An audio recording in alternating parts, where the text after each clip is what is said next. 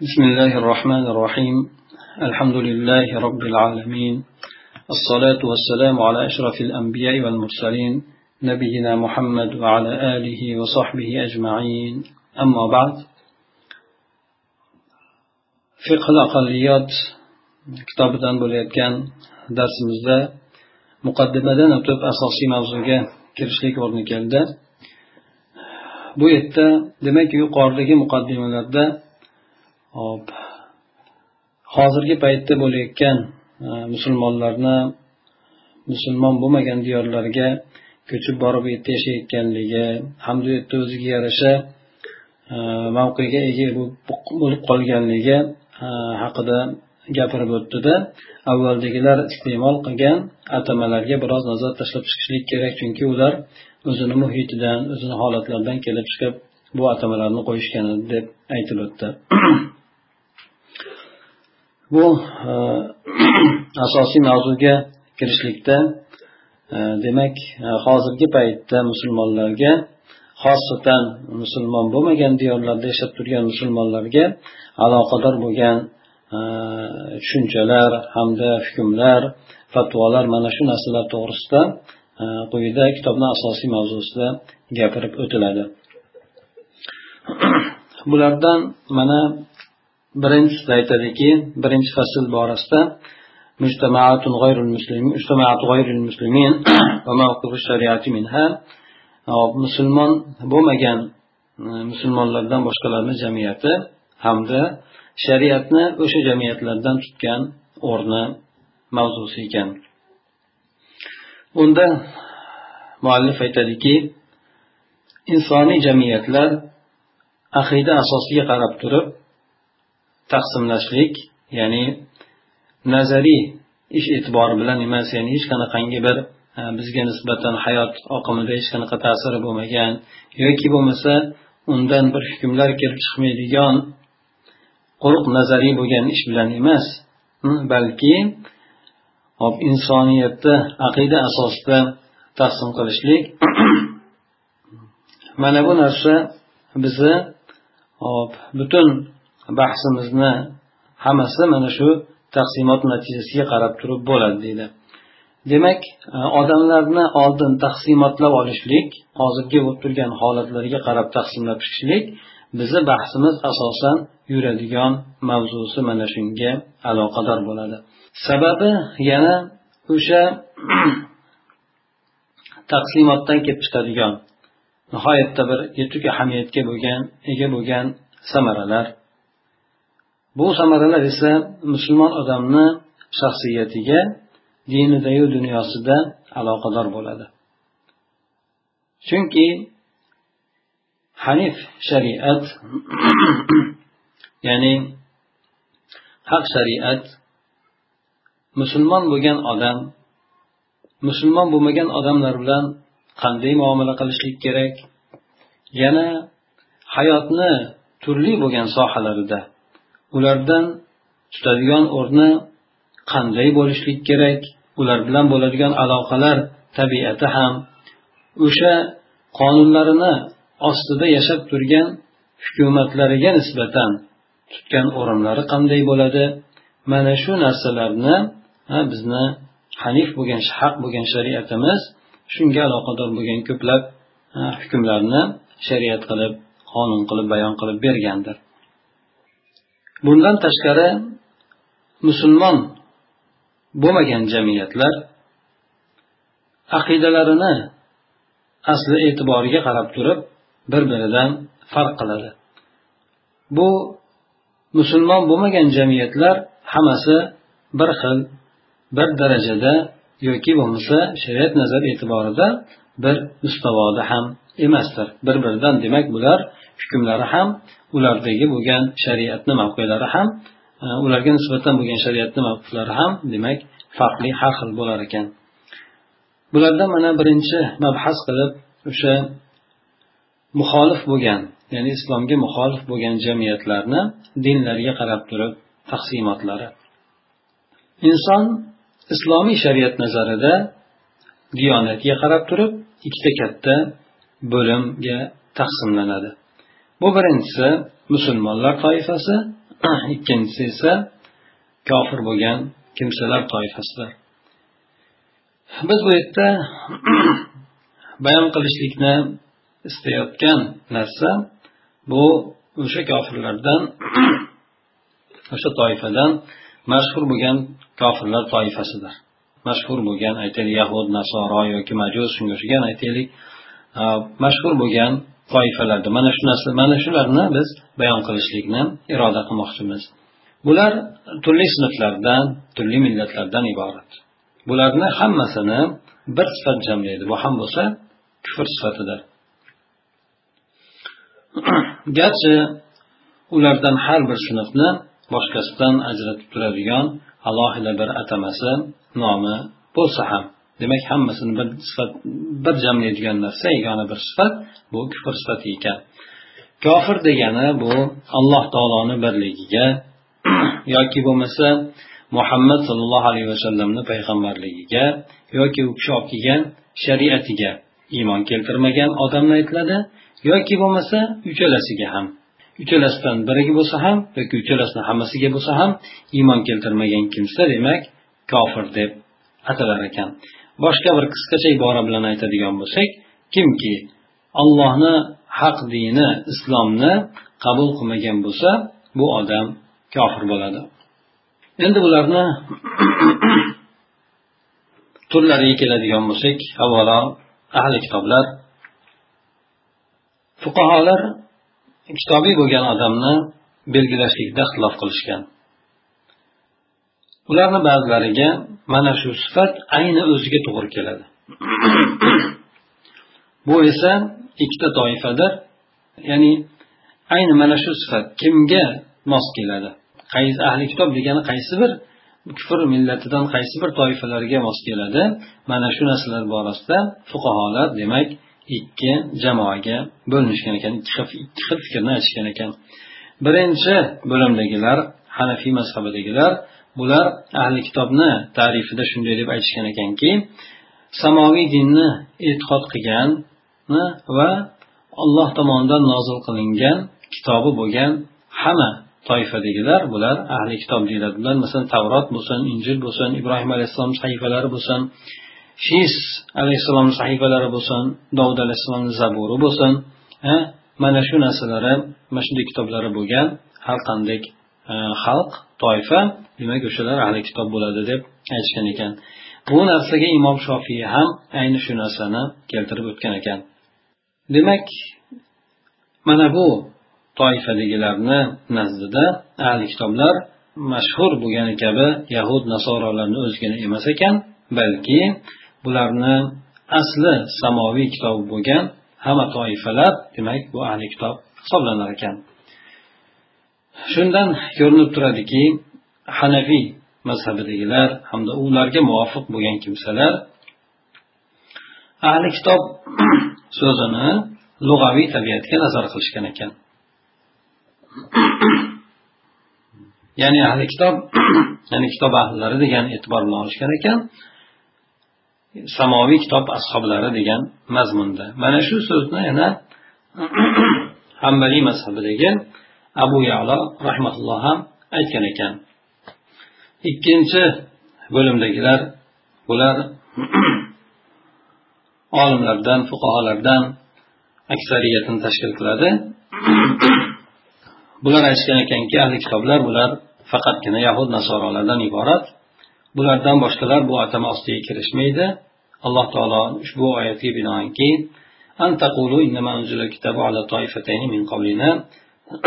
sizlar shunday deb aytmasliklaringiz uchun ya'ni kitob bizdan oldingi faqat ikkita toifani o'zigagina nozil qilingan edi deb. Mana bu oyatdan chiqadigan dalolat shuki ahli kitoblar agar ikki toifadan ko'proq bo'lganda edi ikkita toifani o'zigagina xoslanganligi bo'lmas edi xoslanmagan bo'lar edi. Bu yerda demak ikki toifaniga nozil qilingan degani demak ikkita toifadan boshqasiga nozil qilingan qilmagan deganini anglatadi. Ibn abbos mujohid xatoda bular aytgan ekanlarki bu yerdagi ikki toifadan murod yahudlar bilan nasorolar deb ayni hop shunga o'xshagan gapni ibn atiya ham o'zlarini tafsirlarida qo'shimcha qilib aytgan ekanlarki bu ahli tavillarni ya'ni tafsir ahllarini ijmosi bilan demak bu yerdagi ikkita toifa yahudu nasorolar degan ekan. Bu ikkinchi so'zni ashoblari aytishgan ekanki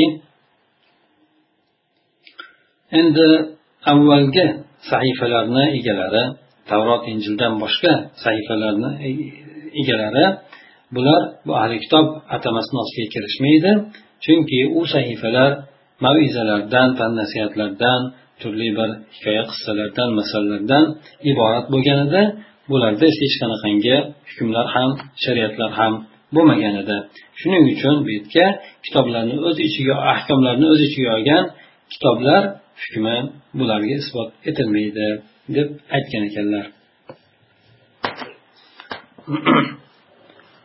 demak yuqoridagi ikki qismda ahli kitoblar kimlar degan atama borasida birinchisida ahli kitoblar atamasini kengroq suratda olinganligi ikkinchi toifani so'ziga binoan esa ahli kitoblar faqat yahudu nasorolarni o'zigagina chegaralanganligini aytib o'tildi. Endi bu yerda umumiy suratda kitobiy bo'lgan odamda u o'zini dinini aqida jihatdan ham yurish turishlik jihatdan ham lozim tutgan bo'lishligi shart qilinmaydi. Butun e, aksar olimlar faqatgina o'sha aqidani o'zini yetarli ekanligiga ishora qilishadi. Ya'ni bir shaxs ahli kitoblarni dinlaridan bir dinni e'tiqod qilishligini o'zi bilan u kitobiga aylanib qoladi. Garchi o'sha kitobdagi bo'lgan hukmlarga amal qilmasa ham yoki bo'lmasa o'zini dasturlarini dinini dasturlariga moslab shakllantirmagan bo'lsa ham o'sha dinni e'tiqod qilishligini o'zi bilan kitobiyga aylanib qolaveradi deydi.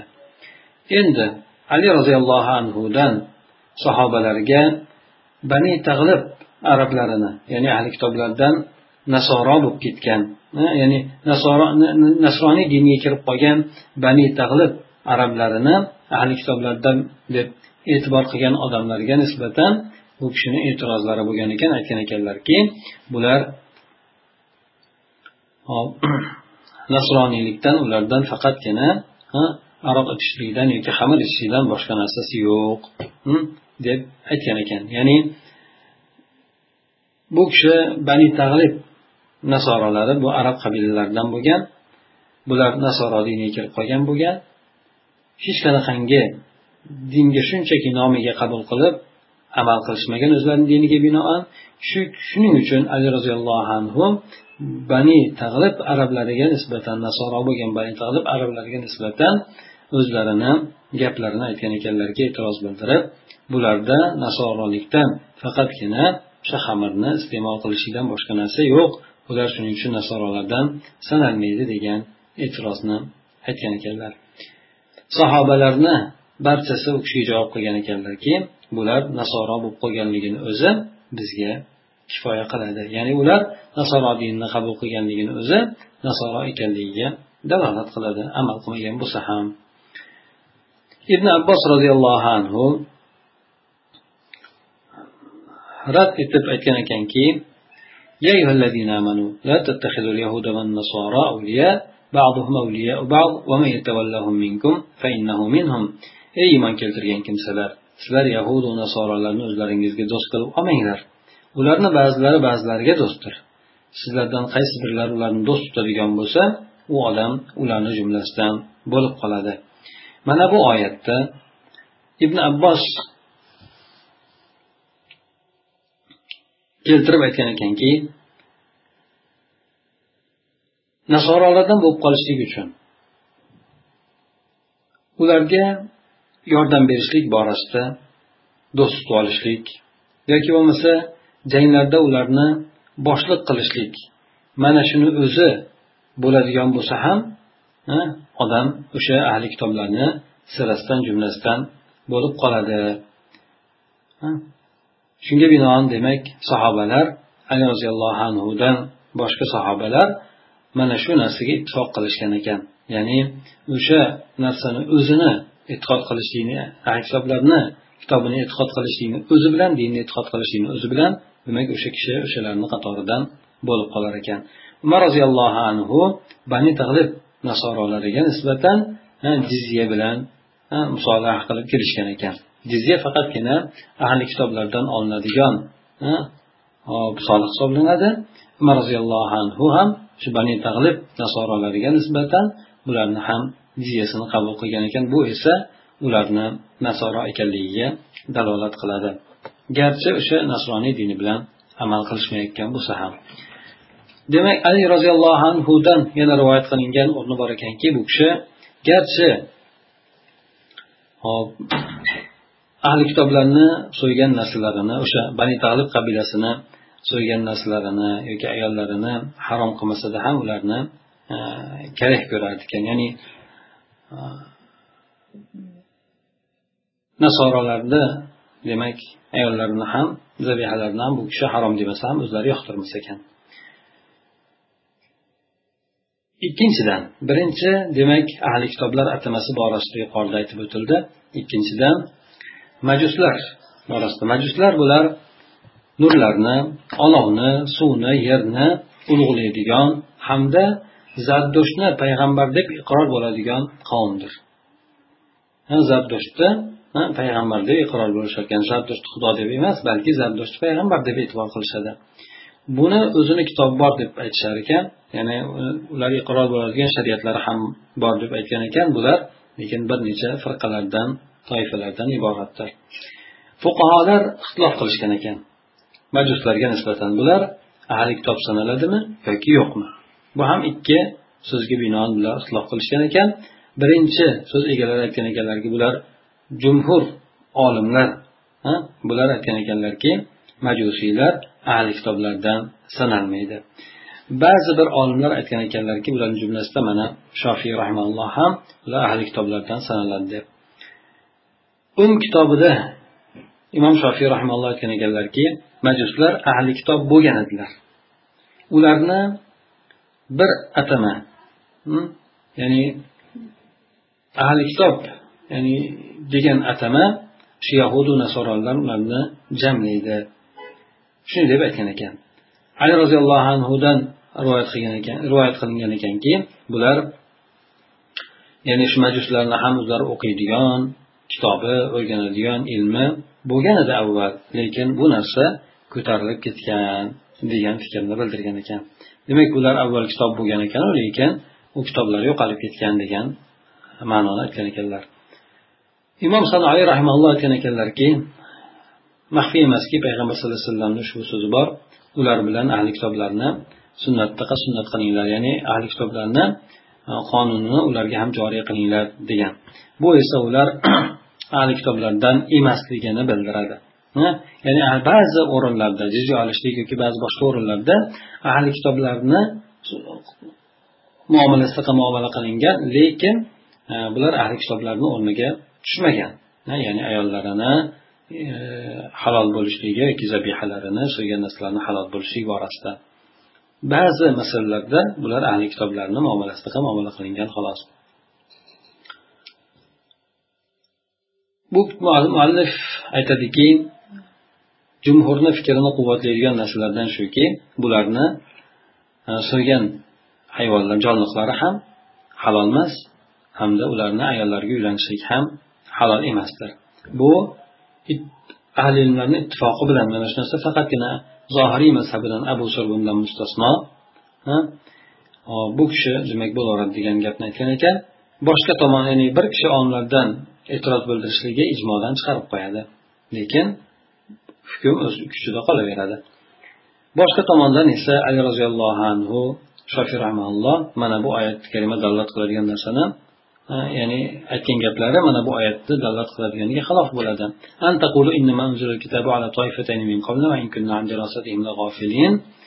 Ya'ni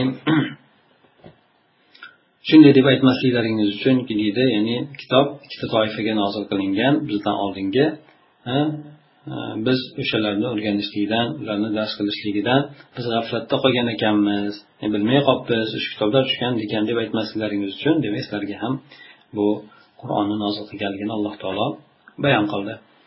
Demak biz agar bu oyatni zohirni oladigan bo'lsak biz oldimizda demak ikkita o'rniga uchta toifa bo'lib qoladi.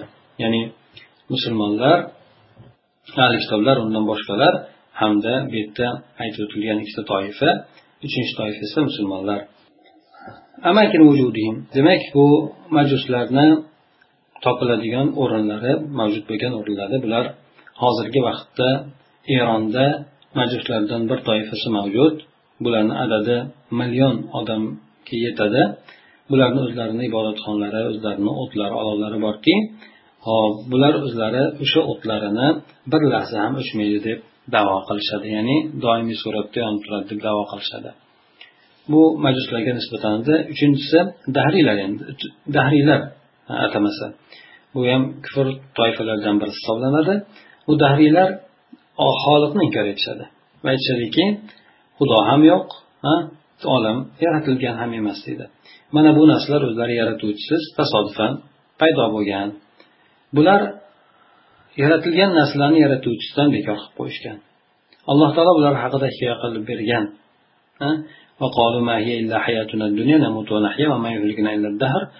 Bu bizni shu dunyo hayotimiz xolos boshqa oxirat degan narsa yo'q.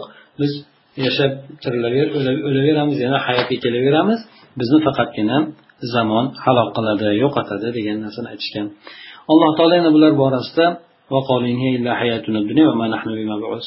biz mana shu dunyo hayotimiz xolos hech qanaqangi oxirat degan narsa yo'q. Biz qayta tirilmaymiz deb aytishar edi dahr degani bu uzoq zamonni o'tib turishligi umrni uzun bo'lishligi kecha kunduzni aylanib turishligi.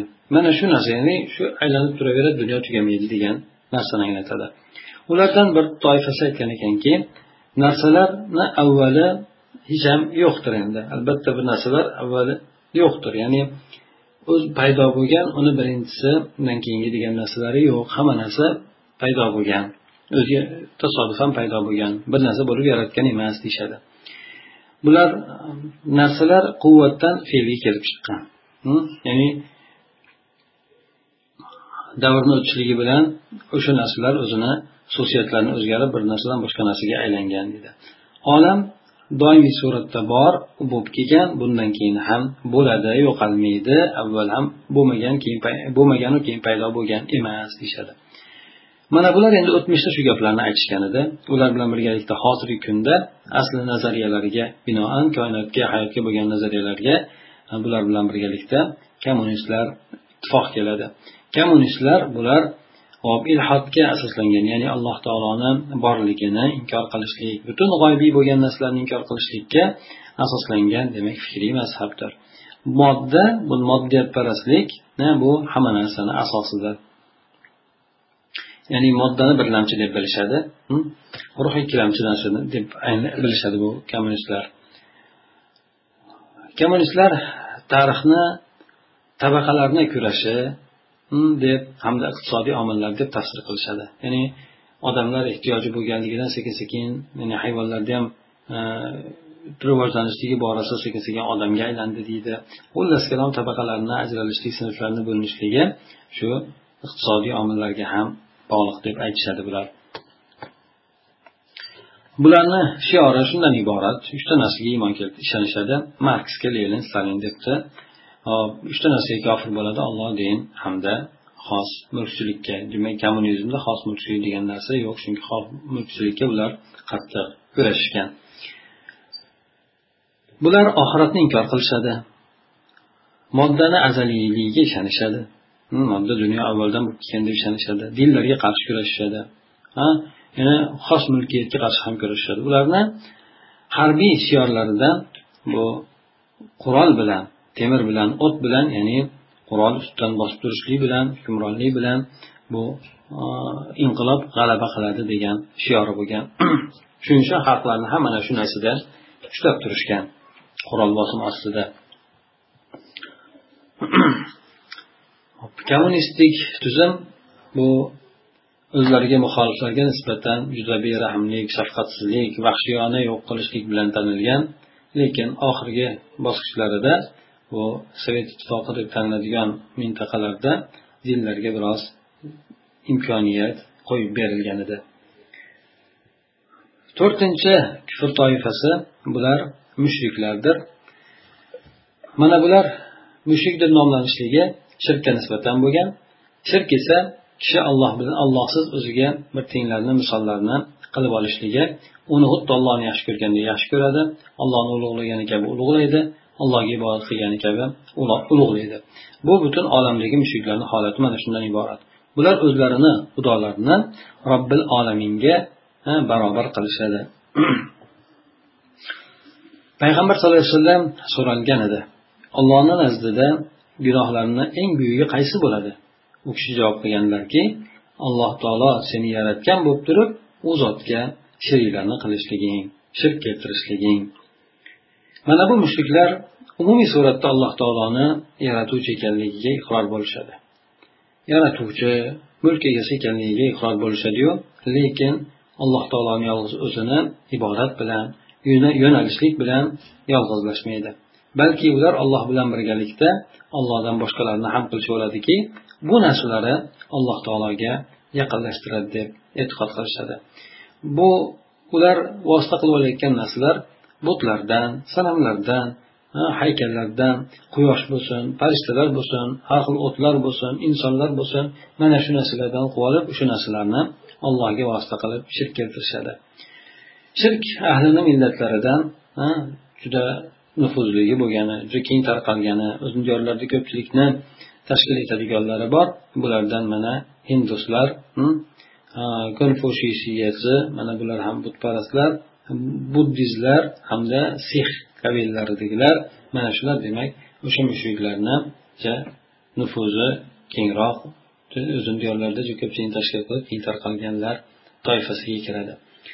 Hop yuqoridagi demak e, kufr toifalarini qisqaroq suratda ularni turlarini aytib o'tdi.